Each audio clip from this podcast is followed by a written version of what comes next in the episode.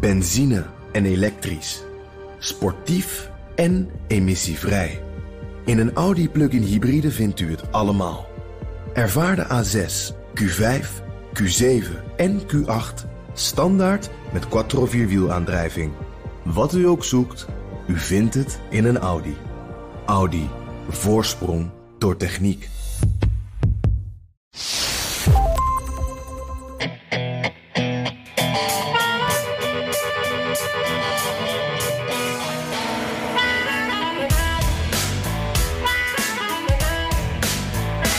Is president Trump schuldig aan het aanzetten tot een opstand? We fight like hell.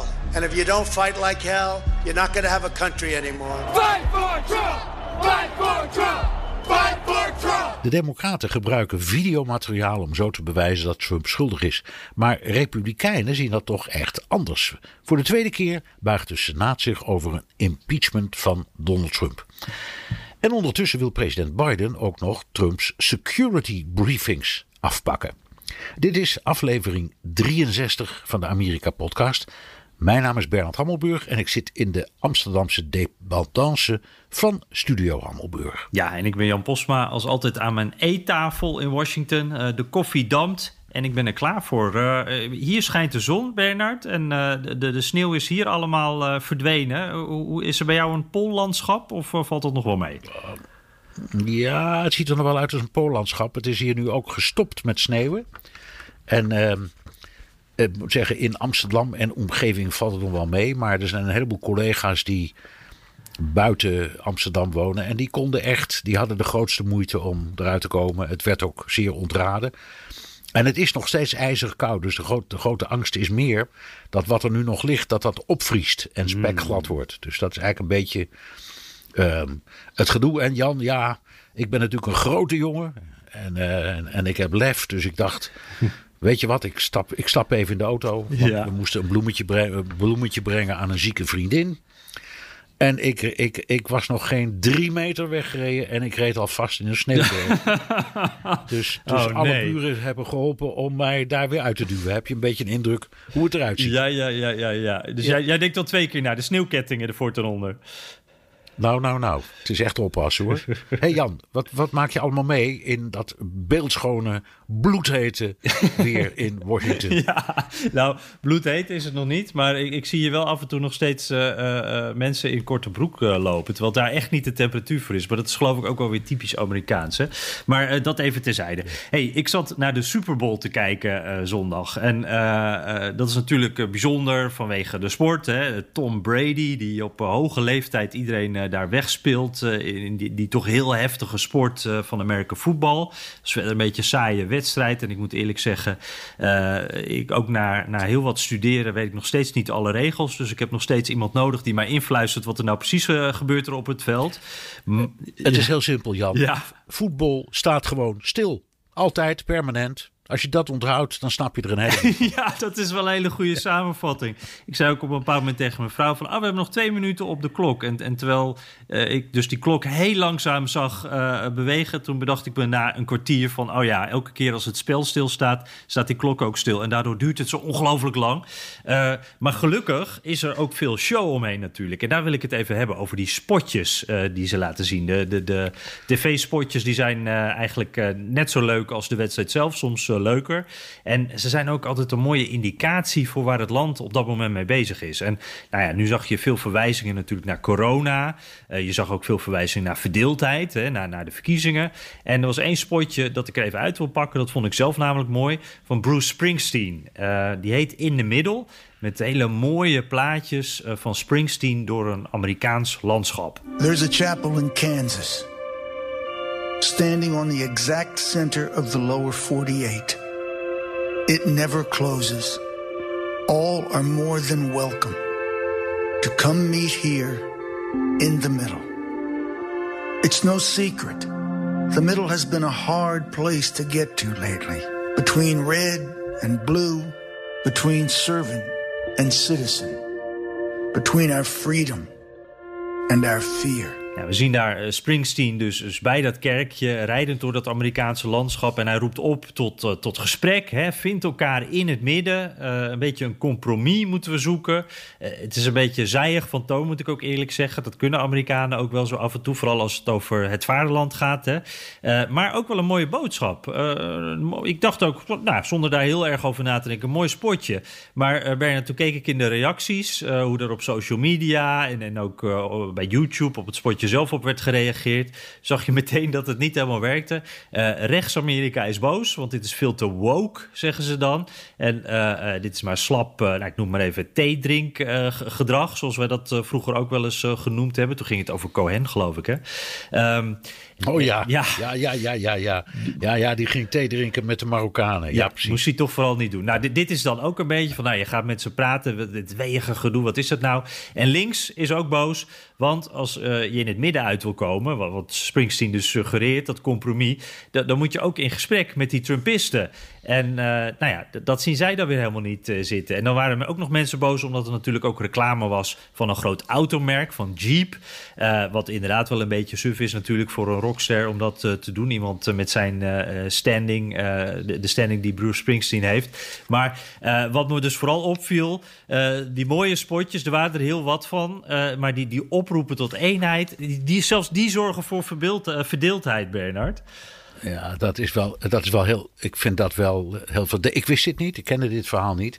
Ik, ik, eh, ik kijk ook altijd die spotjes terug. En dan probeer ik uit te zoeken wat ze, wat ze te hebben gekost. Want het zijn de duurste spotjes oh, ter wereld. Ja. En ook altijd de duurste in het jaar.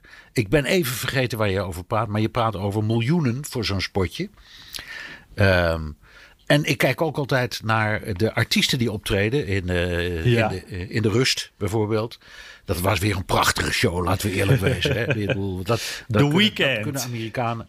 De Weekend, en dat, dat kunnen ze als geen ander, vind ik. Zag er prachtig uit. Ja, ja. Dat was en, dan, uh, en dan ja. lees ik, las ik iets wat ik helemaal niet wist. Namelijk, daar krijgen dus die artiesten niets voor. Geen betaling. Ah. Want, zeggen de, want, zegt de organisatie, als je dit podium krijgt, best bekeken televisieprogramma in het jaar, en zoveel exposure, dan ga je helemaal binnenlopen. Ja. Dus wij hoeven dan ook niet nog eens in de zak te tasten. Uh, om jullie te betalen. Dat stoppen we dan liever in het evenement en in de sport. Dus ja. dat vind ik wel een hele mooie hoor. Oh, dat, ja. dat verklaart ook wel wat. Want die, die, die uh, rapper uh, The Weeknd, of is de zanger eigenlijk, weet ik eigenlijk niet eens. In ieder geval ja. die performer, die, die, die, die, die heeft ook hier en daar laten vallen dat hij miljoenen er zelf ingestopt heeft om die show toch zo mooi mogelijk te maken. Dus dat, dat, dat verklaart dat dan wel inderdaad. Ik dacht dan, waarom is dat? Ja, nee, dat klopt. Dat klopt. Ze, zetten, ze maken zelf, dat klopt. De organisatie bouwt ook niet mee aan het decor, zal ik maar zeggen. Dat moet je allemaal zelf doen. Ja. Um, en dan krijg je een beetje, ja, um, een, een, een songfestivalachtige sfeer hè, die ze dan bouwen. En dat is allemaal inderdaad uh, kosten deelnemer. Ja. Ik vind het een mooi verhaal. Ik kende het niet. Na al die jaren zag ik dat nu voor het eerst. Dacht, moeten we toch even vertellen. Ja, en ja, ja. Waar, waar kan dat beter dan in de Amerika-podcast? Zeker. De, de, plek waar wij ook altijd ons eigen podium op moeten bouwen. Hè? Dus uh, heel te passen. Zo is dat. Jan, op het moment dat wij uh, dit opnemen, op uh, dinsdagavond, Nederlandse tijd, dinsdagmiddag, Amerikaanse tijd, is de impeachment begonnen. Dus de, de aanklagers uit het Huis van Afgevaardigden, die, hebben de, die zijn bezig met het presenteren van hun aanklacht aan de Senaat, die uiteindelijk daarover moet gaan stemmen. Leg, leg nog even uit, wat gaan we allemaal zien? Ja, ja want te, terwijl wij dus praten, uh, is, is het begin uh, eigenlijk, ja, zijn ze eigenlijk begonnen met dat senaatsgedeelte. Dat is net even anderhalf uur of zo bezig als wij elkaar spreken. Dus we hebben al even kunnen kijken. En ehm, ja, ze zijn nu een, een, een, zaak aan het voorleggen. En, en, dat is eigenlijk nog een soort voorprogrammaatje ervan. Want zij, ze gaan het er nu over hebben en daarna ook over stemmen of deze impeachment wel grondwettig is. Nou, we weten nog niet op dit moment hoe er gestemd gaat worden. Er is wel al eens eerder over gestemd in de Senaat. En toen waren er maar vijf Republikeinen die zeiden: uh, ja, dat is uh, grondwettig. Dus uh, nou ja, dat, dat, gaf dan ook weer een indicatie over hoeveel Republikeinen. voor impeachment zouden willen stemmen. Dus nou wij weten het nog niet. Maar als jullie luisteren, dan weten jullie vast al, luisteraars, wat die stemming is geworden. En of dat er dus meer dan vijf zijn geworden, of gelijk of minder, is misschien een indicatie. En dan begint woensdag uh, begint die impeachment eigenlijk een beetje echt, zou je kunnen zeggen. Dan uh, beginnen ze echt met het, het, voorleggen van hun bewijs. De impeachment managers, de Democraten. En daarna komt dan ook de presentatie van Trumps team. En beide kanten krijgen 16 uur over twee dagen verdeeld. En verwacht wordt dat ze die eigenlijk niet vol gaan maken. Dus het zou wel eens in een week gedaan kunnen zijn, zeg ik voorzichtig. Uh, vorige impeachment duurde 15 dagen en dat was al snel. Dus dan, dan zou het wel heel snel gaan. Ja, ja, nou, ik denk inderdaad ook dat het tamelijk snel kan. Omdat, nou, daar gaan we dan over praten. De argumentatie eh, ja, ja. van beide kanten. Wat, wat, wat is nu uh, het, het, het leidmotief in de opbouw van het democratische verhaal. Ja, ja nou, we, we hebben net uh, dus daar al wat van kunnen zien. Uh, we hebben ze allebei afzonderlijk van elkaar met een oceaan ertussen gekeken. En toen zagen we al dat, dat filmpje van de Democraten, waarin nog een keer eigenlijk alles op een rijtje werd gezet wat er op 6 januari is gebeurd. en daar werden de, de uitspraken van Trump, de, de, de, de, wat er gezegd werd in het congres, die werden afgewisseld met de beelden van boze Trump die eerst op weg gingen uh, naar het Capitool en uh, die uiteindelijk dus ook naar binnen gingen daar. Was echt een, uh, een nou, vond ik een heftig filmpje. En dat is natuurlijk heel belangrijk in hun verhaal. Zij zeggen Trump is schuldig tot het, of aan het aanzetten van een opstand, zoals je eerder al zei. Dus zij zullen veel van dat videomateriaal laten zien waaruit dat verband ook moet blijken. we gaan die to toespraak van die ochtend nog veel terugzien. Hè? Fight like hell. de, de tweets en de supporters zelf, die allemaal zeiden ook: wij zijn hier vanwege Trump. En uh, uh, dat wordt het verhaal van de Democraten. Uh, en, en ja, die Republikeinen, die, die hebben dan weer hun eigen verhaal natuurlijk. Die hebben hun eigen verhaal. Eerst iets. Um, um, waar we het al eerder over hebben gehad, even Jan. Dat, die, dat fight like hell. Um, ik, ik vind dat niet alleen juridisch, maar ook taalkundig vind ik dat een hele lastige. Want het, ik kijk, als daarna mensen het kapitool bestormen, dan denk je, nou, er is verband. Hij heeft opgeroepen tot vechten. Hè? Mm -hmm. Maar uh, als je. Uh, uh, als je een collega of een vriend of een vriendin heel veel succes weer toewenst, bijvoorbeeld bij een sollicitatie, mm -hmm. dan roep je ook: hey, fight like hell for that job. Ja, ja, ja. Maar dan bedoel je er is niet. helemaal niks mis mee. Ja, nee, dan moet, niet, dan moet die vriendin voor jou niet het kapitool gaan bestormen. Dat snap ik ook wel. Nee, nee, nee, precies. maar toch, maar toch, maar toch. Ik wil, we praten hier over juridische argumenten. Als je het juridisch bekijkt. Ik, mijn redenering is steeds, ze doen net of het juridisch is, maar dat is het helemaal niet. Ja. Het is gewoon politiek. Maar oké. Okay. En maar, maar uh, Bernard, nog even, dat is wel een hele interessante. Want dat is natuurlijk heel moeilijk om dat te bewijzen. Hè? Van uh, bedoelde Trump het letterlijk of figuurlijk? Nou ja, als hij zegt dat hij het figuurlijk bedoelt, uh, wat doe je daar dan tegen? Maar is, is er ook nog, denk je, niet een, een verschil tussen hoe we bijvoorbeeld dat in Nederland zouden zeggen en hoe dat hier in de VS wordt gezegd? Want wat mij hier vaak opvalt in de politiek ook, er wordt zoveel oorlogstaal gebruikt. Uh, dat, dat doet Trump veel, maar dat hoor je hier veel ook als het over het politieke debat gaat.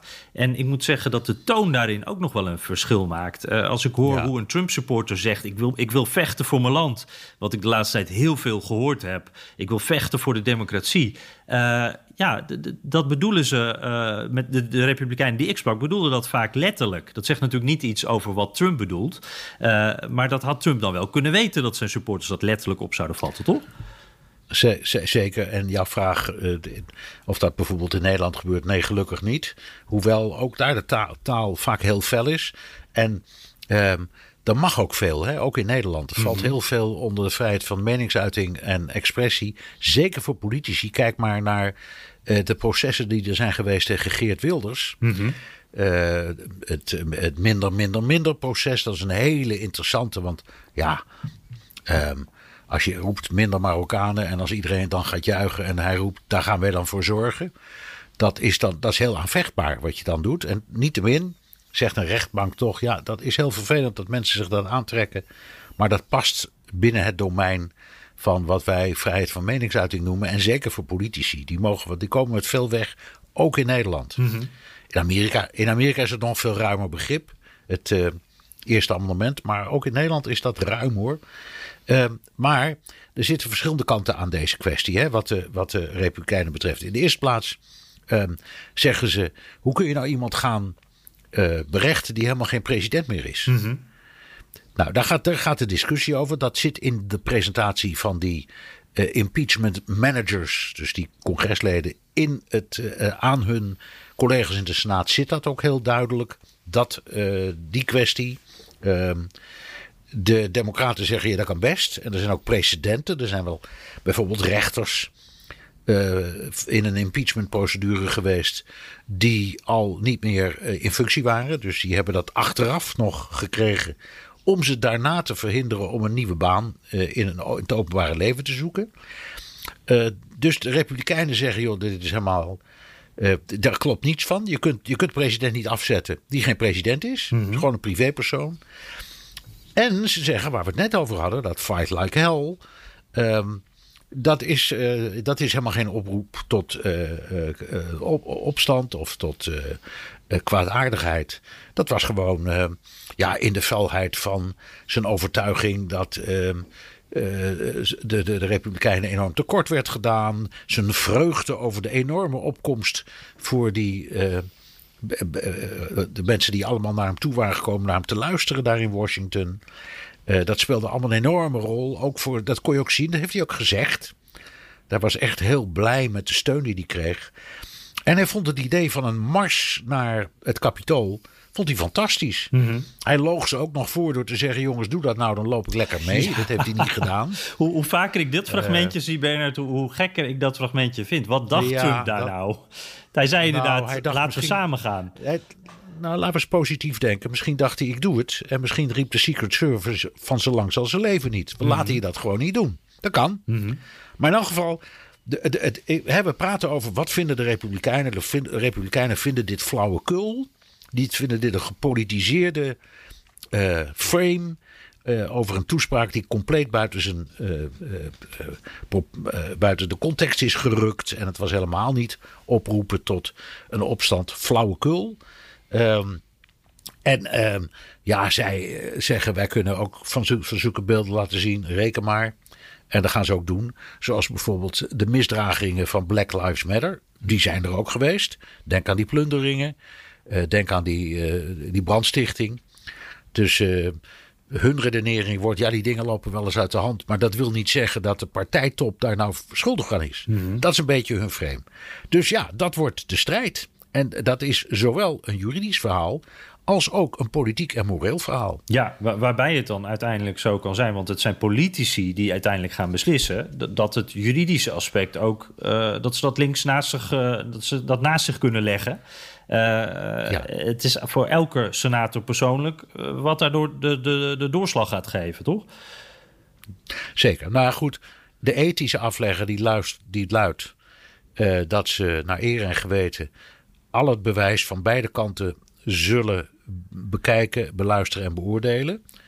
En ik denk ook wel dat ze dat doen hoor. Het is niet zo dat die senatoren um, helemaal niet luisteren naar wat er wordt gezegd. Alleen ze hebben, denk ik, al van tevoren besloten wat ze uiteindelijk gaan stemmen.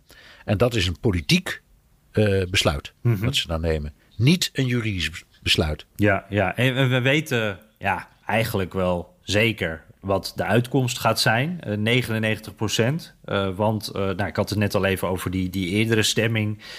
Over hoe grondwettelijk dit allemaal is. Toen gingen maar vijf republikeinen mee met de democraten. Nou ja, dat betekent je hebt er 17 nodig. tenzij er nog 12 ook gaan zwichten. gaat die impeachment er niet komen. Of de uiteindelijke afzetting, veroordeling. Um, en het zou natuurlijk gek zijn als je aan de ene kant zegt: uh, het is niet grondwettelijk, maar ik ga hem wel afzetten. Uh, dus dat, dat is iets geks. Dat, dat, uh, dat gaat waarschijnlijk niet gebeuren. Dus waarom doen we dit nu nog, Bernard? Is dit nu ja. puur voor de mensen buiten de Senaatzaal? Is, is dit voor de bühne? Wat, wat, wat, wat levert dit op? Ehm, er zijn twee, naar mijn idee, twee kanten aan. Eén is wat jij zegt. Ja, het is voor de bühne. Want dat is de politiek altijd, tot op zekere hoogte. Het is een opvoering die we geven, zodat uh, het, het volk, uh, de mensen die geïnteresseerd zijn, kunnen zien wat er namens hun door de volksvertegenwoordigers zo al te berde wordt gebracht. En waar ze de, de, de, de vinger op de zere plek willen leggen. Dus ja, het is voor de bühne. het is ook, naar mijn idee, omdat ze zich hebben vastgereden, naar mijn idee.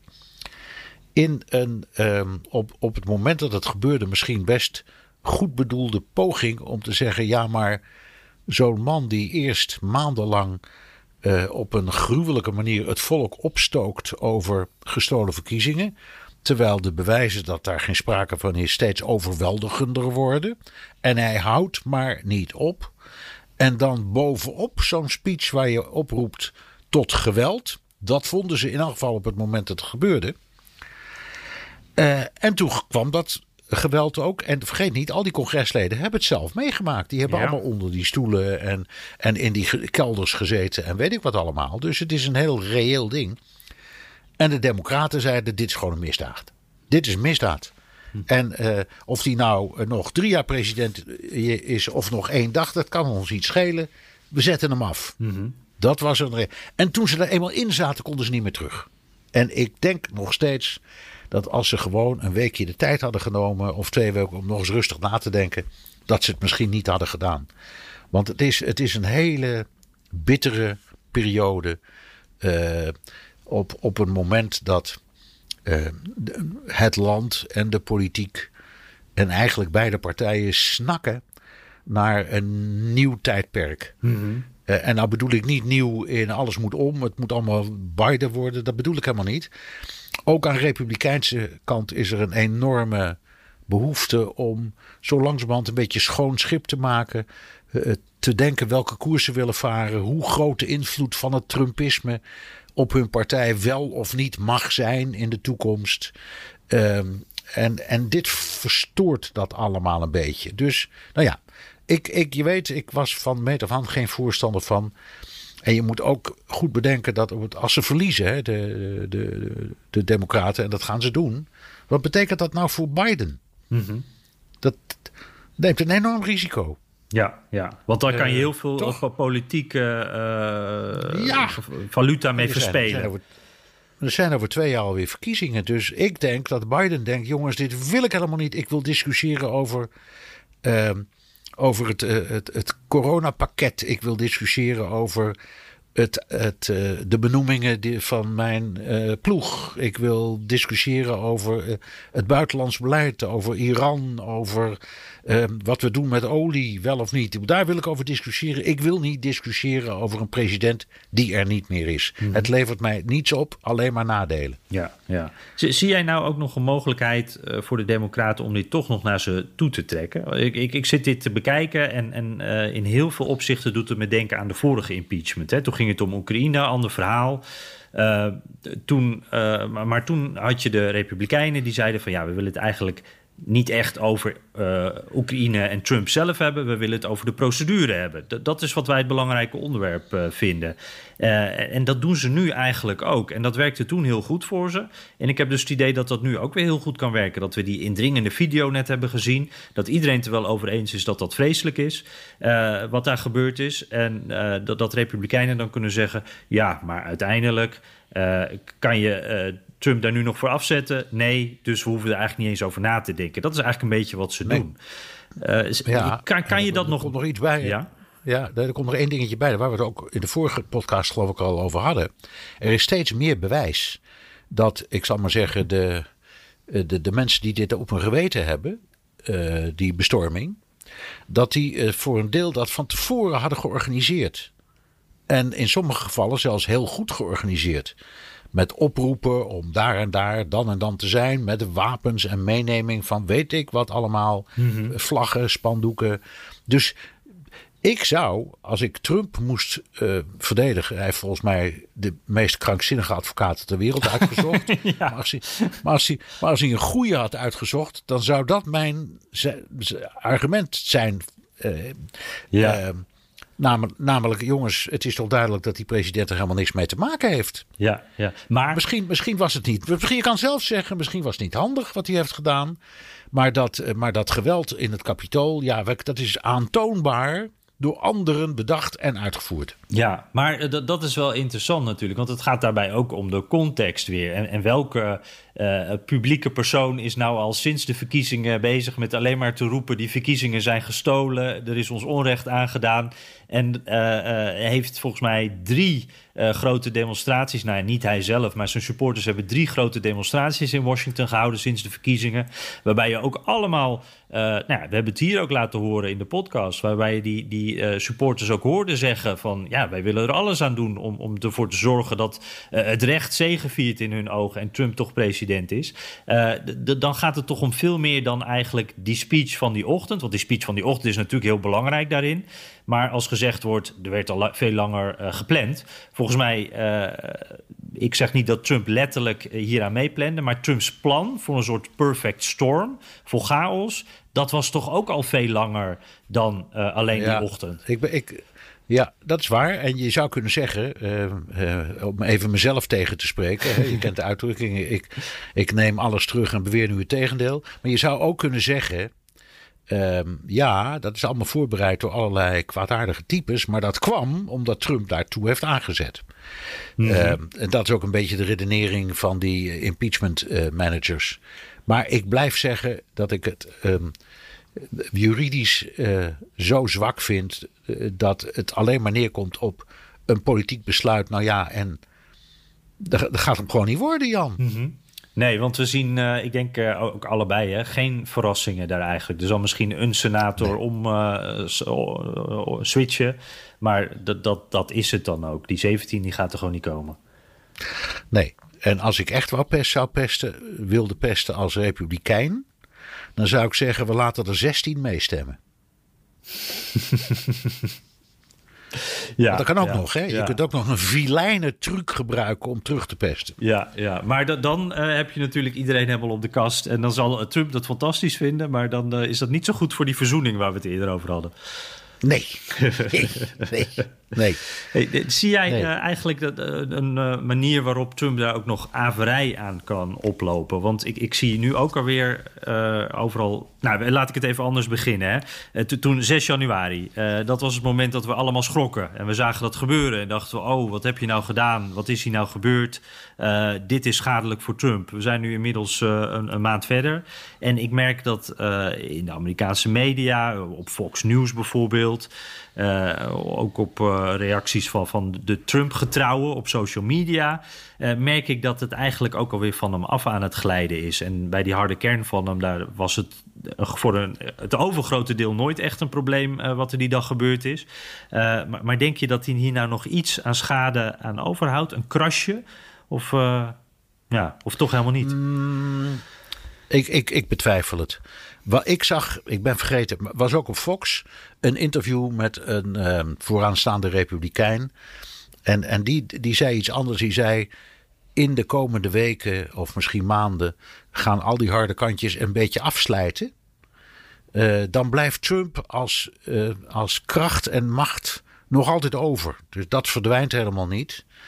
Maar al die woede en al die agressie van dit moment, dat slijt wel een beetje weg we moeten ook door. Mm -hmm. En ik dacht, nou ja, ik hoop dat hij gelijk heeft. En het zal ook best kunnen. En ik weet zeker dat uh, Trump niet uit de gedachten van de Amerikaanse kiezer is. Ik weet niet, is er, zijn er peilingen over, Jan? Nou ja, ik, ik, er was in ieder geval een peiling wat, uh, die ik hierbij opvallend vond. Of een paar peilingen. Die gingen specifiek over... Um uh, hoe, uh, denkt, uh, hoe denken jullie over een veroordeling voor Trump? En daarin zag ik dat bij een paar peilingen ongeveer dezelfde cijfers terugkwamen. Namelijk dat ongeveer 55% van de Amerikanen denkt... ja, Trump die, die moet veroordeeld worden. En dat vond ik toch wel opvallend. Want nou ja, we weten natuurlijk dat Trump iets minder dan de helft van de stemmen heeft gekregen. Maar je ziet er dan toch, voor mijn gevoel zit hij dan een paar procent... is daar is dit meer, zeg maar. Dit is ietsje meer dan Trump uh, aan, aan, stemmen achter zich uh, heeft gehad.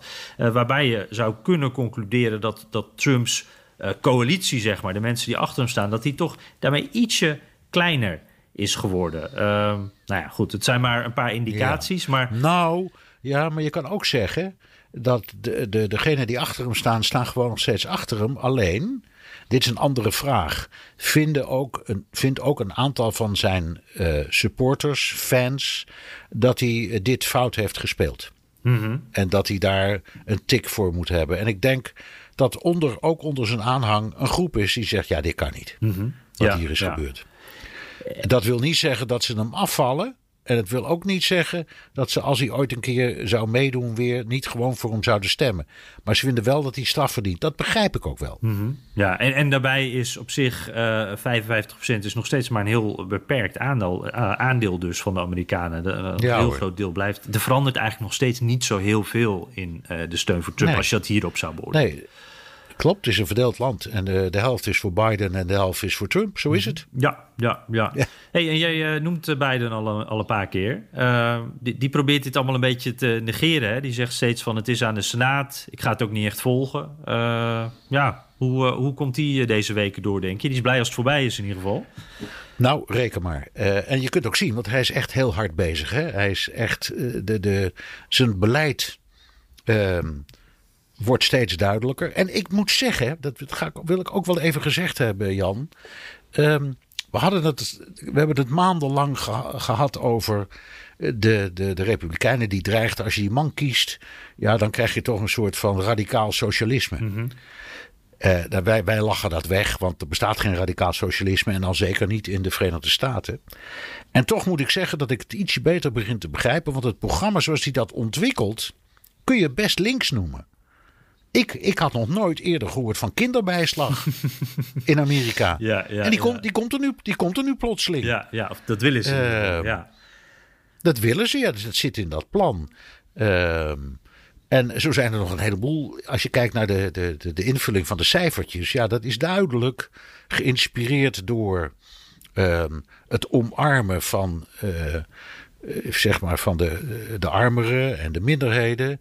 En het een beetje op afstand houden, of misschien zelfs straffen van de wat rijkeren. Ja, dat, je kunt dat best. Ik, ik zeg, van, als ik nou even als republikein redeneer, ja hoor.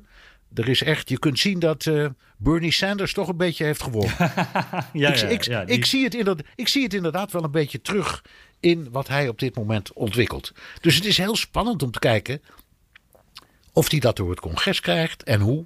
Mhm. Nou ja, heeft dat hulppakket heeft hij er dan doorheen gekregen, die 1900 miljard. Maar gewoon langs partyline. Hè? Dus hij heeft hij geen steun gekregen van de Republikeinen uiteindelijk. Dus we zullen zien. Het is echt heel spannend deze periode. En voor, voor Biden, Biden wil die impeachment niet. Die wil dit soort dingen eh, doen. En hier wil hij kijken of hij punten kan binnenhalen. En ook op welke punten die gaat verliezen. En waar hij moet gaan overleggen met de tegenpartij. Maar dat is wat hij wil. Dat zit ook in zijn genen. En een proces tegen, een, tegen zijn voorganger, waar hij eigenlijk helemaal niets meer mee te maken wil hebben. Ja, dat, dat past hem gewoon niet. Ja. ja, je zegt trouwens wel van het is er al door, maar eh, het is er nog niet helemaal door, toch? Eh, hij heeft nu zijn weg Nee. gevonden waarmee hij dat Ja. plan eh, er doorheen gaat krijgen. hij heeft het, hij heeft het, het, het werkt altijd zo. Hij heeft het eerst door het huis gekregen en toen door de Senaat, maar in een iets andere vorm. Ehm, en de Amerikaanse wet schrijft voor dat je dan een House-Senate Conference moet krijgen. Dus dan moeten leden van beide huizen met elkaar om de tafel gaan zitten. om opnieuw een wet te formuleren. En die moet dan opnieuw door allebei de huizen worden aangenomen. Dus als die versies niet identiek zijn, is het altijd een heel gedoe. En, en overal zitten beren op de weg. Dus er kan altijd weer iemand roepen: ja, op dit, maar dit vind ik nou toch te veel. Laat het maar niet doen.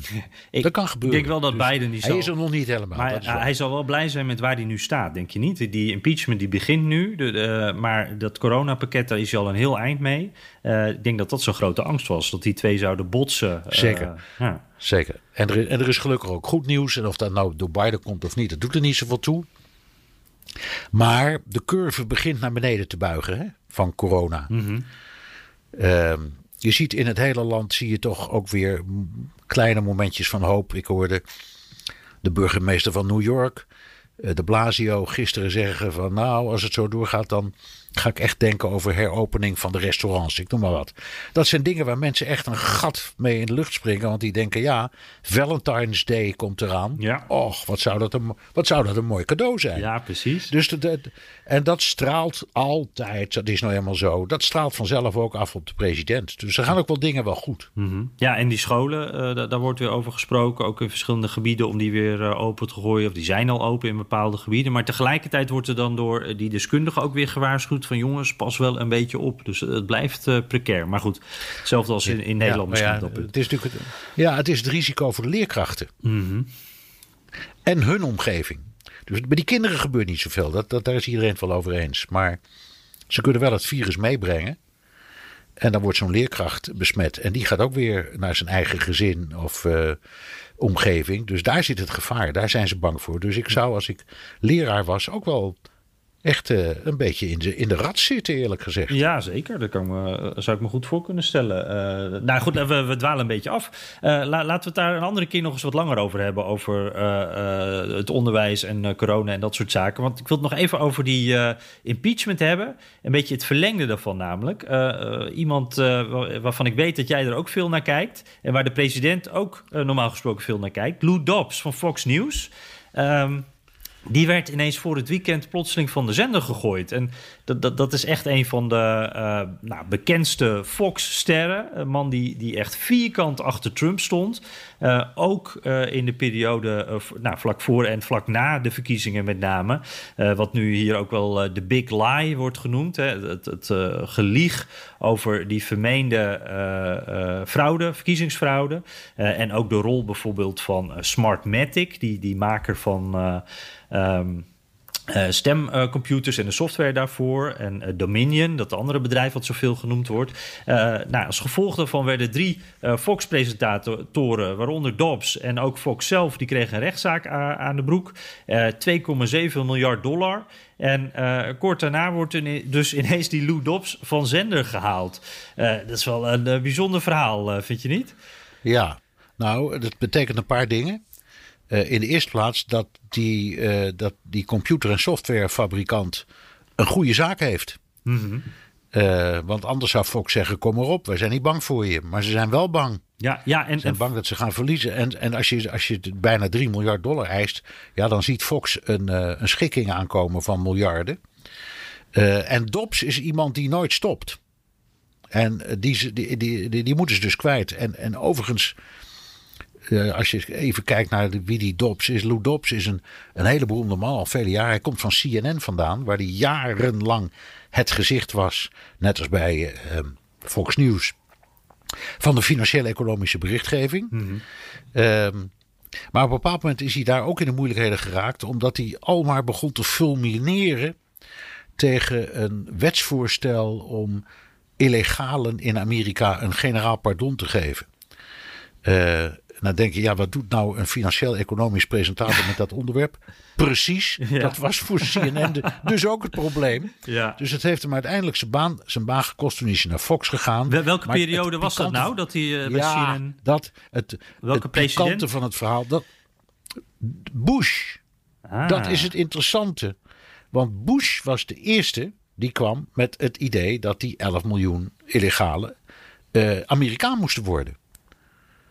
En dat ze dus een generaal pardon moesten krijgen. Nou, dat is toen afgebrand door, jawel, de Democraten in het congres. En daarna heeft eh, Obama het opgepakt. Ongeveer in dezelfde formulering. En toen is het afgebrand door de Republikeinen in het congres. En nu heeft Biden het ook weer opgepakt in een variant. Hè. Die zegt die mensen krijgen niet een generaal pardon. Maar die krijgen acht jaar de tijd om gewoon keurig netjes de procedure te door- doorlopen. Groene kaart aanvragen. eh, eh, staatsburgerschap aanvragen enzovoort. En nu valt eh, ja, in geval de Republikeinen over hem heen. En ook Lou Dobbs. trouwens. Uh, en ik denk ook een deel van de Democraten. Dus dat, dat, dat, dat, dat wordt nog een dingetje. ja, dat, precies. Om dat erdoor te krijgen. Ja, ja. ja, ja dat, uh, wijst, dat, dat blijkt alweer uit de resultaten uit het verleden op dit onderwerp. Over die Dobbs nog eventjes, wat mij dus ook wel opvalt hierbij. hij wordt dus plotseling van zender gehaald. een paar weken eerder had Fox News en ook, ook een van die andere wat alternatievere media... die hadden al een soort, soort, zeg ik voorzichtig, soort, soort disclaimer, soort rectificatie... over, eerder, over hun eerder, eerdere berichten. Dat ging toen ook over die, die fraude natuurlijk. ook met de angst voor een rechtszaak in het achterhoofd. Dus dit is dan toch een soort grotere consequentie daarvan... dat Dobbs dan ineens weg was. En Bernard, ik zat deze week naar... Ik ben nu even vergeten, ik dacht dat het OAN was. anders was het Newsmax. Maakt er niet zoveel uit. Het zijn zelfde soort uh, nieuwssites en zenders. ik dacht OAN. Die hadden de, een documentaire uh, die ze uh, acht keer uitgezonden hebben. Uh, en dat was van Mike Lydell. Dat is die man van My Pillow. ik, ik, gaat er al een ja. lampje branden, een beetje complotdenker en, en een kussenverkoper. En ook een van de vrienden van Donald Trump zou je kunnen zeggen. Iemand die ook tot het laatste moment nog veel in het Oval Office was om het over die verkiezingsfraude te hebben. En alle opties die er dan nog waren om het leger in te zetten en dat soort enge oplossingen. Maar goed, die documentaire duurt iets van drie uur. die wordt daar dus uitgezonden. En van tevoren krijg je dus een disclaimer van iets van... Uh, nou, het duurt volgens mij wel een minuut. Het gaat maar door. Uh, waarin dus de zender afstand neemt van wat die Lydell zegt. En dus alles wat gezegd wordt over Dominion, over Smartmatic, over die fraude... Uh, dat is niet de mening van de zender, dat is de mening van meneer Lydell. Uh, maar we zenden het dus wel acht keer uit. Dat vond ik ook wel uh, bijzonder. Het is een soort... het laat zien hoe de toon aan de ene kant verandert... en de boodschap ook wel verandert. Maar aan de andere kant ja, gaat het ook gewoon door op dezelfde manier... als voor die rechtszaken en voor die bestorming. Ja, en als ik advocaat was, dan pakte ik ze toch aan. Om, met als argument, je kunt wel zeggen dat het jouw mening niet is, maar als je het acht keer uitzendt, is het jouw mening wel. Ja, ja. Je kan ja, me ja. wat. Je kan me wat. Ja. Ja, ja. Want waarom doe je het anders? Ja, en je hebt toch die verantwoordelijkheid als zender. Uh, je kan wel Je zeggen, ik kan er niks aan doen, maar uh, nou, zo werkt het niet. Ja. Hey, Bernard. Uh, we moeten het nog even over wat anders hebben. Um, Biden die gaf uh, vlak voor de Super Bowl zijn eerste tv-interview als president. Uh, toen werd hem ook gevraagd of hij nou Trump zijn intelligence briefings gunt. Of die, of Trump die moet blijven krijgen. En toen zei Biden nee. Because of his erratic behavior unrelated to the insurrection. I mean, you've called him an existential threat. You've called him dangerous. You've called him reckless. Yeah, I have, and I believe it. What's your worst fear if he continues to get these intelligence briefings? I'd rather not speculate out loud. I just think that there is no need for him to have that, that intelligence briefing. What value is giving him an intelligence briefing? What impact does he have at all, other than the fact he might slip and say something? Ja, Biden zegt hij dus een paar dingen. Hè. Dat is uh, Trumps gedrag rond die bestorming. Uh, ik vind hem eigenlijk gevaarlijk, onvoorspelbaar. En ik wil verder niet speculeren over de gevaren. Maar wat is eigenlijk het voordeel? Wat hebben we eraan als, als Trump die informatie heeft? Want uh, hij kan zich bijvoorbeeld verspreken, dat is een risico. Maar het levert ons eigenlijk niks op. En nou ja, dat de president zo over zijn opvolger praat... dat is natuurlijk uitzonderlijk, zelfs in Trump-tijden. Maar uh, dat een voormalig president ook niet meer die briefings krijgt, dat is toch wel heel uitzonderlijk. Dat is zeer uitzonderlijk. Dat is ingevoerd door Eisenhower. En dat had op zichzelf wel een koddige achtergrond. Daarvoor had zich het drama afgespeeld van Franklin Roosevelt, die overleed. En werd opgevolgd door zijn vicepresident Truman. En Truman bleek helemaal nergens van te weten. Die wist niets van wat zich in het kabinet had afgespeeld. Die wist niet dat er een atoombom in de maak was. Die Truman overigens korte tijd zelf heeft laten afwerpen. Maar dat, dat vond hij dus allemaal bij wijze van spreken toen hij de bureaus opentrok en de dossiers ging bekijken. Ja, dat, dat moet echt een en, traumatisch en, moment zijn geweest. Dat je zo'n grote beslissing ja, ineens zo hup in de schoot krijgt. Gewoon. Ja, en Eisenhower die weer na Truman kwam, die is dus daarover gaan nadenken en dacht dat moet je niet doen. Je moet in elk geval zorgen dat je team, maar ook je opvolger altijd op de hoogte is en blijft van wat zich op het gebied van nationale veiligheid allemaal afspeelt. Mm-hmm. En daardoor is die gewoonte ontstaan dat nog levende presidenten allemaal, ik denk één keer in de week, een, een, een, een, dossier krijgen toegestuurd of versleuteld via hun e-mail met de staatsgeheimen op het gebied van veiligheid. Ehm, en dat heeft ook een voordeel, want het is ook een gewoonte. Ja, Trump is dan ook weer daar de uitzondering. Maar het is de gewoonte dat oud-presidenten met elkaar uh, heel goed omgaan. Dat wordt ook de, de, former presidents club, wordt dat vaak genoemd. Uh, en die, die bellen met elkaar, maar die, die kunnen ook nog wel eens even met de zittende president bellen. Of andersom. Biden kan best eens bellen. Laten we zeggen, er spelen nu allerlei kwesties in het Midden-Oosten. Mm -hmm. Ik kan me voorstellen dat Biden op een bepaald moment denkt: ik bel Carter. Als er nou één president is geweest die zich druk heeft gemaakt over het Midden-Oosten, dan is het Jimmy Carter. Die bel ik op en die weet wat daar speelt, want die krijgt de briefings. Mm -hmm. Dus dat is de achtergrond. Dus hij heeft eigenlijk. well, het heeft wel iets, uh, het heeft iets, iets, uh, iets goeiers en ook wel iets koddigs natuurlijk. dat, uh, want ja, want dit geldt ook voor, weet ik veel, mensen die ooit directeur van de CIA zijn geweest. Die blijven de rest van hun leven alle CIA-informatie krijgen. En daarvan denk ik wel eens, is dat nou nodig? Maar goed. Ja, we gaan er niet over, zou ik maar zeggen. Nee, precies. Ja. Is, is bij jou, uh, heb jij wel eens gehoord hoe vaak dat, dat nog gebeurt? Dat presidenten met oud-presidenten nog bellen? Want da daar zullen ze niet heel open over zijn, denk ik. Um, maar je wordt wel nieuwsgierig van welke nee, presidenten nou... Nou uh, ja, nee, ik, ik, ik val even stil omdat ik het antwoord niet weet in die zin. Ik weet niet hoe vaak dat gebeurt, maar dat het gebeurt, dat weten we. Want er komt van tijd tot tijd, komt dat wel eens in de publiciteit. Mm -hmm. um, gewoon, dan zie je een berichtje dat uh, uh, Biden heeft gebeld met, weet ik wat, met Bush. Dat gaat komen. Uh, en dat kan dan gaan over de ontwikkelingen in Irak, want dat is allemaal door Bush begonnen. Dat zijn gewoon logische dingen. Dus het, nee, het zal, we zullen daar niet dagelijks over lezen, maar af en toe gebeurt het wel eens. En je ziet het ook bij recepties of feesten. En als alles weer normaal wordt, dan komen die dingen ook weer terug. Dus dan dan gaan we ook gewoon weer uh, zien dat presidenten af en toe bij elkaar komen. Zoals ze dat nu bijvoorbeeld ook hebben gedaan op uh, de begraafplaats Arlington. En dan uh, zijn ze allemaal bij elkaar. Mm -hmm. En ik garandeer dat ze dan ook even wat lopende zaken met elkaar bespreken. Dat kan niet anders. Precies. Het is een beetje roddelen of bijpraten op presidentieel niveau. Ja, en misschien ook een tipje. Ja, ja, van ja. joh, loop niet te hard van stapel. Of joh, zet daar nou eens door, want ik zie wel een kans. Ja. Zoiets. Ja. Nou ja, dat, in dat gezelschap, Biden zegt, daar past Trump niet in. Uh, want zo zit hij niet in elkaar. En bovendien, uh, hij is onbetrouwbaar. En wie weet praat hij zijn mond voorbij. Dat laatste is natuurlijk het gevaarlijkst. Mm -hmm. Is er nou, uh, en Trump, daar was alles een verhaal over. Hè? Dat hij in de Oval Office met de Russische ambassadeur... en volgens mij de minister van Buitenlandse Zaken van Rusland... dat hij toen iets vertelde wat eigenlijk geheim had moeten blijven. Uh, ja. Wat was dat ook weer? Het stond in de Washington Post toen volgens mij. Nou ja, was een relletje. Hey, is er nou nog een, een onderwerp waarvan jij denkt... Uh, dit is een uitzondering op dit gebied... zou Biden toch nog iets kunnen hebben aan, uh, aan de kennis van Trump? Ik, ik moest zelf namelijk denken Zeker. bijvoorbeeld... Oh, nee, zeg maar, ja. China. China. Ja, op, op de, over de aanpak van China zijn ze het roerend eens. Dat kun je gewoon zo zeggen. Mm -hmm.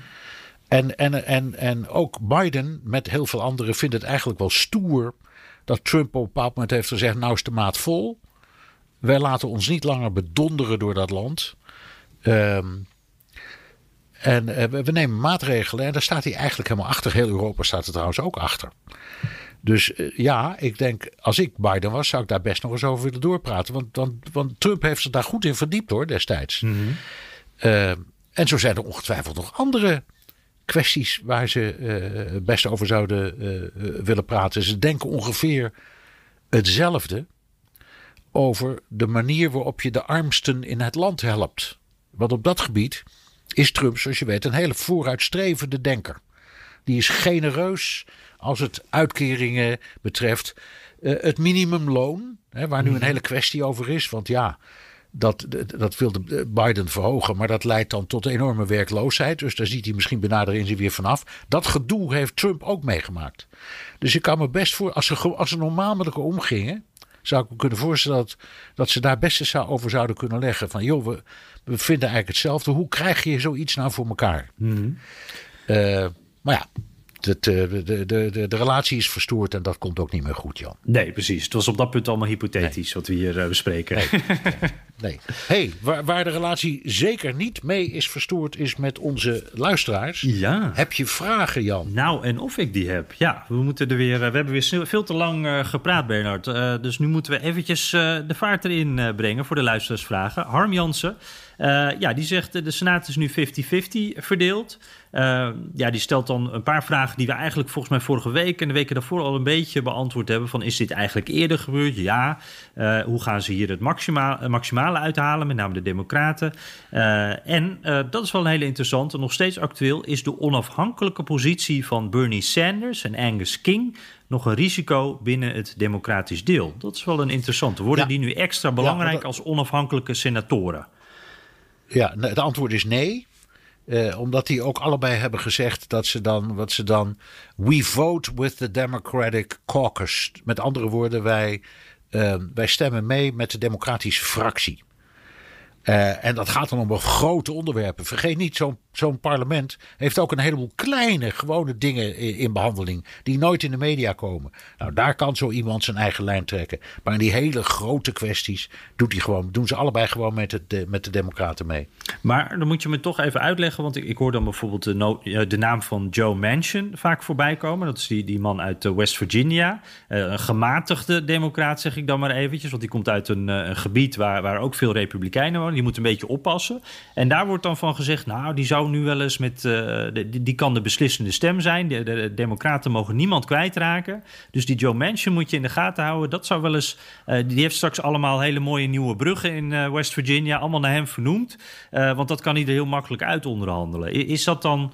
geldt dat niet voor Bernie Sanders en Angus King? Of hoe, hoe zit dat? Nou, tot op zekere hoogte. Maar dit vind ik een mooier voorbeeld. Kijk, King en Sanders zijn natuurlijk hele gevestigde namen. Ehm, en die zullen dat niet doen. Op zo'n moment de, het, het tapijt onder de Democraten uithalen, zullen ze niet snel doen. Aan de andere kant, eh, er geldt in, Amer- in de Amerikaanse politiek niet iets wat wij heel normaal vinden, namelijk fractiediscipline. Dus meestal is het zo dat, ehm, eh, zeker in de Senaat, maar ook wel in het huis hoor, eh, dat de leden mogen stemmen wat ze zelf willen. Ze zijn niet gehouden aan de partijlijn. Dus het is gevaarlijk. Eh, dat, e- dat eerste eh, eh, coronavoorstel is door de Senaat geloosd. Met alle democraten plus Kamala Harris als voorzitter. Dus met 51 stemmen. En dat was hem dan. Ja, als er één democraat of een onafhankelijke, maar één democraat zegt: Ja, sorry hoor, maar hier ben ik het niet mee eens. Einde verhaal. Ja. Het is niet anders. Ja, ja. Mooi. Eh, Jonne Mulder. Eh, ja, dat is ook een vraag die, die. Daar hebben we het vorige week ook al een beetje over gehad. Maar toch wel goed om even op terug te komen, denk ik. Dat gaat namelijk over Marjorie Taylor Greene. Eh, die afgevaardigde uit Georgia, eh, Republikeinse, ik- eh, het Q, QAnon-congreslid, zeg ik maar even. De vrouw die gelooft in Joodse superlasers uit, uit de ruimte. En nog meer. Betaald, betaald. Betaald door Rothschild, hè? ja, precies. Waar Ja, ja, ja, antisemitisme en Star Wars elkaar tegenkomen. Het is een, een, een enge vrouw. Ehm, nou, daar hadden we het vorige week over. En, en, nou, de vraag die we nu krijgen is: wat, op wat voor manier zou de Republikeinse Partij Green kunnen eh, eh, stoppen? Eh, en hoe groot achten jullie de kans dat zoiets gaat gebeuren? Nou, ja, vorige keer dachten we nog van: het is aan die Republikeinen. Uiteindelijk heeft de Republikeinse Partij er niks aan gedaan. En heeft het Huis van Afgevaardigden gestemd om haar uit haar commissies te halen. Dus er waren democraten nodig om haar alsnog Ja. ja, te straffen eigenlijk. Ja, ja, ja, en dat vind ik politiek niet zo eh, eh, onverstandig. Van die Republikeinen, want die denken allemaal aan de verkiezingen van 2022. Hè? Elk van hun zetels, alle, alle 535 eh, leden van het huis worden elke twee jaar gekozen. En die denken, dit, hier is ons de brie de brokken niet waard. Deze juffrouw is niet goed bij de hoofd. Maar we gaan niet onze eigen electorale kansen op het spel zetten. Lekker, lekker laten de democraten dit maar doen. Laat ons eens met rust. En dat hebben ze gedaan. Ja, dat is er goed gelukt. Dus als er. eh, eh, ze gebruiken het nu ook, hè? Van nou, het zijn weer de Democraten die het hebben gedaan. En Ja. eh, die Republikeinen die willen natuurlijk ook niet. Die, die toch. eh, dat, ah, ja, we weten niet hoe groot. Maar dat deel van de kiezers die ook aan die QAnon-kant staat. eh, die willen ze ook niet zo van zich vervreemden, natuurlijk. Dus ja, daar hebben we het laatste woord nog niet over gesproken, denk ik, Bernard. Ehm, Nee. Even kijken. Terke Zilstra, dat is een bekende naam uit het noorden. Ehm, die heeft de vraag: Ik weet niet of er een mediawet is in de USA of dat er iets vergelijkbaars is, maar waarom begint Trump geen eigen zender? Hij heeft miljoenen fans, dus dat moet kunnen lukken. Kunnen jullie daar iets zinnigs over zeggen? Ja, er is een mediawet die werkt heel anders dan die van ons, maar hij bestaat. Eh, en in, het, in de zin van het starten van een zender werkt die ongeveer net zoals bij ons. Alleen, ehm, het zijn allemaal commerciële, hè, dus het is niet zoals een publieke die leden moet vergaren. Je kunt, als je dat wil, een eigen zender beginnen. En er zijn heel veel eh, eh, geruchten dat Trump dat dolgraag zou willen. En eerlijk gezegd denk ik, denk ik dat hij het ook goed zou kunnen. Ja, zeker. Dus wie weet. Ja. Ja, e- eigenlijk is hij eh, geboren daarvoor, denk ik. Eh, nog veel meer dan voor het presidentschap. Hier komt alles voor hem samen. Dus eh, Zo is het. Nou, ik zie het nog wel gebeuren. En anders houdt hij het nog even boven de markt zo. zodat dat in ieder geval de mensen ook een beetje ja, op scherp houdt. En hem de aandacht geeft nu al. zonder dat hij het daadwerkelijk hoeft te doen. Dank in ieder geval eh Terke Zielstra en On Chen. zo eindigt hij zijn, zijn mail in het Fries. Chris Zwanenbeek. Eh, luistert altijd met veel plezier. Ik heb een vraag over hoe jullie denken eh, of het een reële mogelijkheid is dat Trump een eigen partij gaat oprichten. Ja, dat is eigenlijk een beetje in het verlengde van de tv-zender, want dat zijn de twee opties hè, van eh, Trump die genoemd ja, worden. Ja, ik, ik, ik geloof niet dat hij een eigen partij gaat oprichten. Omdat dat betekent dat hij. Dat, is- dat, dat is suicidaal. Ehm, dat betekent het einde van de, van de, de GOP. Dat moet hij niet doen. Ik denk ook dat hij dat niet wil. Wat hij probeert is om zoveel mogelijk van die Republikeinen naar zich toe te halen. Zodat het uiteindelijk de partij van Trump wordt. Dat is zijn strategie. Maar ik denk dat het, het idee van eigen partij, dat moet hij niet doen. En volgens mij heeft hij ook al gezegd dat hij dat niet wil. Dus dat, dat moet hij ook niet doen. Ja, ja hij, hij blijft een beetje dreigen. En, en volgens mij is dat ook weer. Het is ook allemaal tactiek. Hè? Hij, eh, hij wil graag. eh, hij- de- het is nog steeds Trumps partij, denk ik, de Republikeinse partij. Dus, eh, en dat wil hij graag zo Ja. houden. En, en daarom zegt hij ook dit soort dingen, denk ik. Ja, hoewel, hoewel eh, in de ondertitel ik nu in beeld zie bij de impeachment. De, advo- de advocaat van de voormalige president staat Oh, ja. nadrukkelijk. Ja. Ja, ja, ja. Oh, dat is wel mooi, want in, zijn, in de persberichten die we van het eh, kantoor van de voormalig president eh, krijgen, da- daar wordt het, het woord voormalig eh, eh, echt heel goed ontweken. Daar gaat het steeds over de 45ste president. Dus dan hoeven ze dat woord niet te Ja, maar gebruiken. dat, is, maar dat is ook traditie, want alle nog levende presidenten heten president of Mr. President.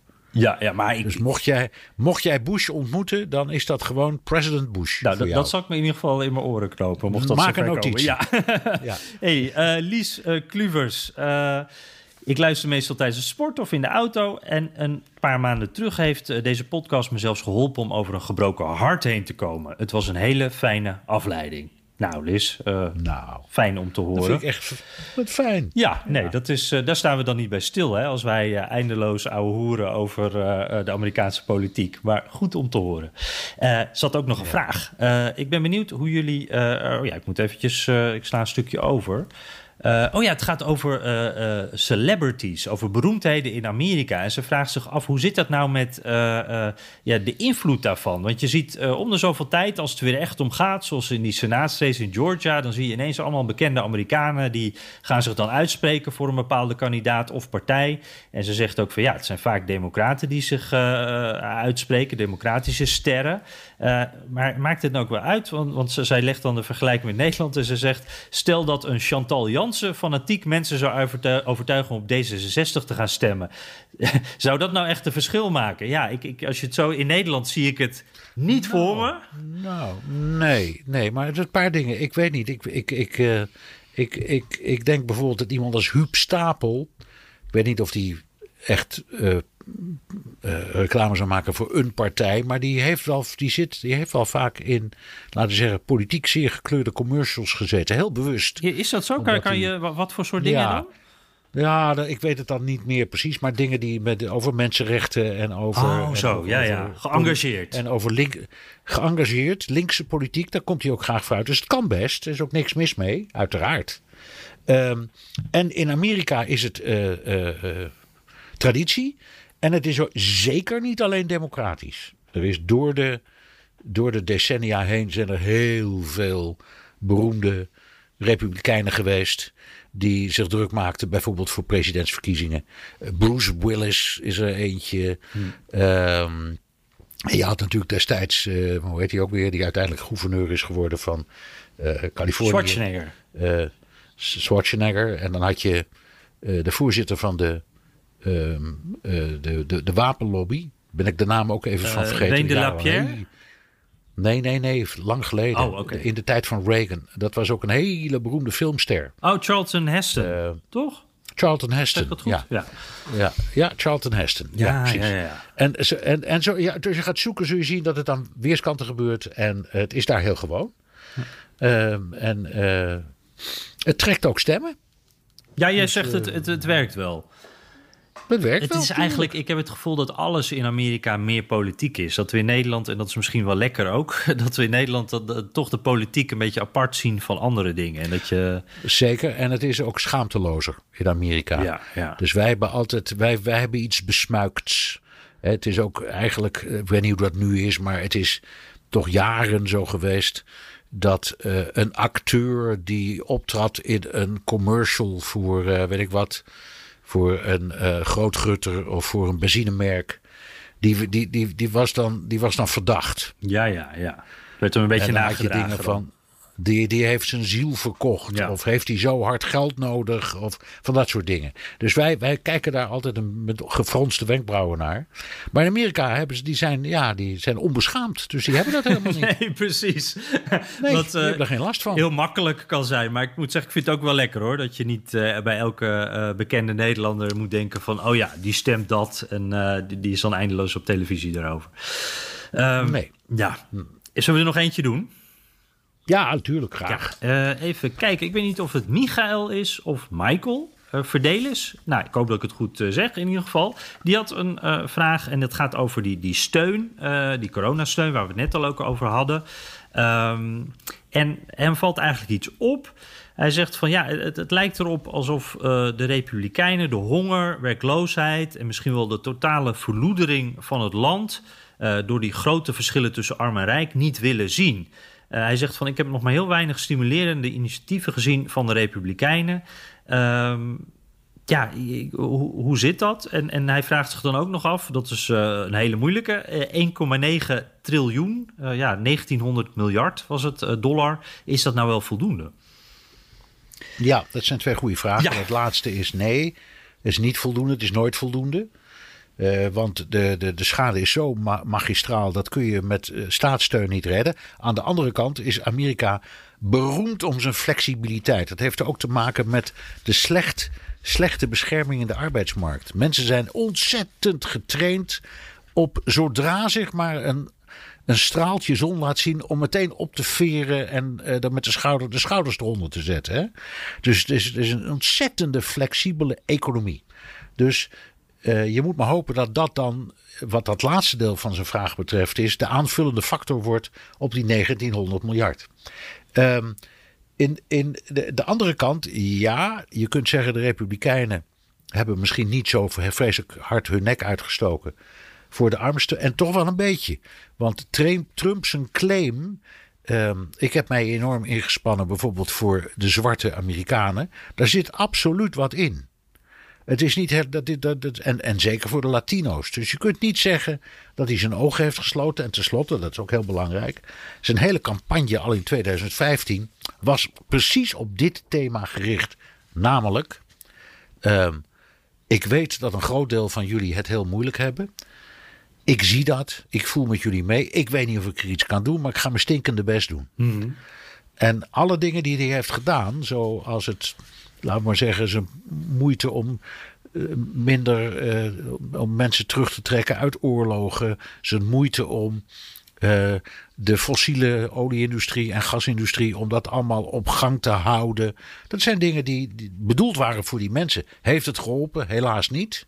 Maar het, het, hij heeft volgens mij wel zijn best gedaan. Dus het is, het is niet eerlijk om te zeggen: Republikeinen interesseert dat niet. En trouwens, iemand als Richard Nixon spande zich ook enorm in voor de armere Amerikanen.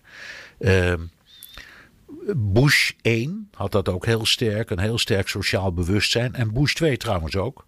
Dus je, je kan niet zeggen dat Republikeinen er niet zijn voor de mensen in nood. Dat is gewoon niet waar. Maar eh, het gevoel van een, eh, de overheid moet niet te groot worden. Eh, we zijn een beetje bang voor een grote Oh, ja. overheid. Dat is natuurlijk Oh, wel iets dat speelt, toch? Dat, Natuur, natuurlijk. Nee, dat, ja, Reagan zei altijd: de ideale samenleving is een democratie. waarbij de federale overheid nauwelijks iets te zeggen heeft. en ook geen belastingen heft.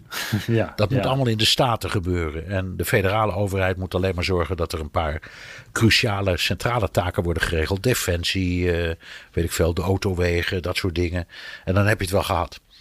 Dat leeft heel sterk in de Republikeinse Partij. Dus de sta het moet allemaal gebeuren in de staten. Maar dat kan ook heel goed. Ja, wat zei Reagan ook niet? eh, The, the most terrifying words in the English, English language are... I'm from the government and I'm here to help you. Ja, Een grapje ja natuurlijk. dat was een typ, wel met typische... een, eh, ja, dat, ja. wel met een serieuze hij was- ondertoon. Hij was, eh, hij was beroemd om dat soort grappen. Absoluut waar. Ja. Ja. Je kent ook, ook nog die hele beroemde. Of hij het leven kon definiëren. Nee, vertel. Vroeg iemand. En toen was het antwoord. Nou, ehm, je betaalt belasting en dan sterf je. Oh, is die van hem? Oké, mooi. Ja, Die is van hem, Die ja. hoor je heel Ja. vaak voorbij komen. Ja, ja, ja, ja, mooi. You pay taxes and then you die. Die die. was van Ronald Reagan. ja. Kijk, eh, nou, zullen we daar eh, maar mee, eh, mee afsluiten met de woorden van Ronald Reagan? Want mijn koffie is op. Jan, heb je nog eh, recensies? Ja, die waren er ook nog natuurlijk. Eh, Chris Os pak ik er eventjes uit. Eh, die zegt, ik hoor jullie podcast wekelijks tijdens de autorit naar huis. En na afloop ben ik weer helemaal bijgepraat. Informatief en onderhoudend. Helemaal als Bernard er een paar klassieke weetjes tegenaan gooit. Zoals over de legendarische open hart van FDR, die helemaal niet echt bleek te zijn. Eh, nou goed, meer van dat soort weetjes, Bernard. Wel één kanttekening. Jullie praten meestal net iets te lang, zodat ik nog een paar rondjes om de wijk moet rijden om alles af te horen. En over de wijk gesproken, eh, er zijn behalve jullie nog veel eh buitenlandcommentatoren en VS-kenners in Nederland. Welke vinden jullie, behalve elkaar, ja, nou ja, het meest interessant om te horen of te lezen? Vijf sterren van Chris uit Os. Oei, oei, ja, heb je nog een tip van Ja. iemand die je goed vindt? Ehm, Nationaal of internationaal? Ja, eh, nou laat ik het nationaal doen. Kom op, hè. Dit is voor Nederlandse luisteraars. Ik, ik, ik zou zeggen Koen Petersen. Die hebben we ook vaak eh, in BNR De Wereld. Deze week ook weer. Ja, donderdag hè?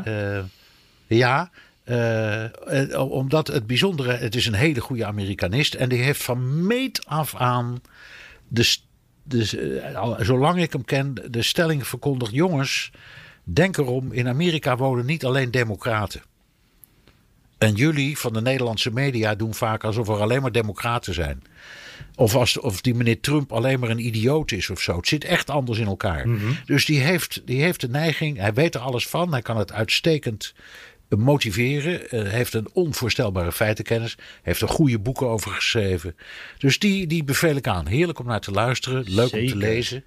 Dus, dus ik, eh, dat, eh, voor mij is hij van dat hele rijtje in Nederland, vind ik hem, steekt hij er echt met kop en schouders bovenuit. Ja, ja. En jij, en jij? Donderdag drie uur is hij dus. hè? Ja, ik, ik eh, noem even eh, eh, twee namen.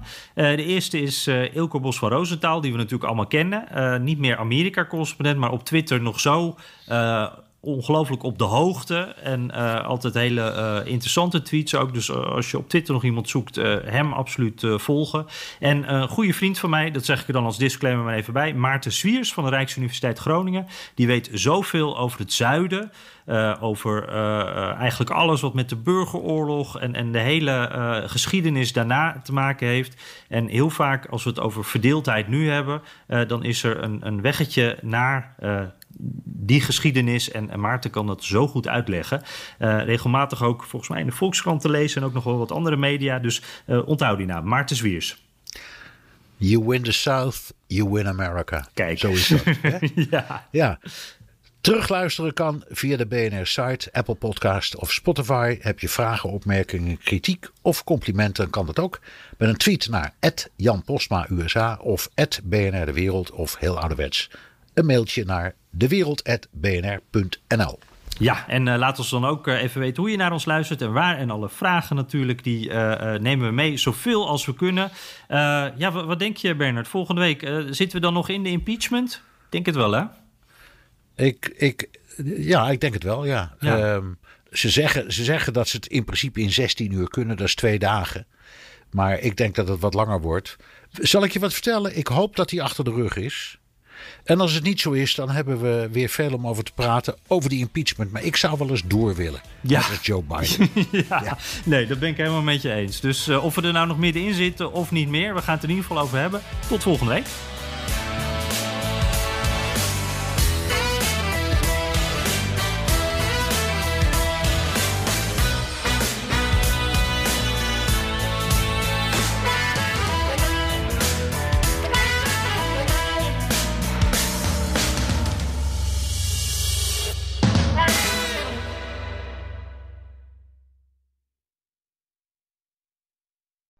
Benzine en elektrisch. Sportief en emissievrij. In een Audi plug-in hybride vindt u het allemaal. Ervaar de A6, Q5, Q7 en Q8 standaard met quattro vierwielaandrijving. Wat u ook zoekt, u vindt het in een Audi. Audi. Voorsprong door techniek.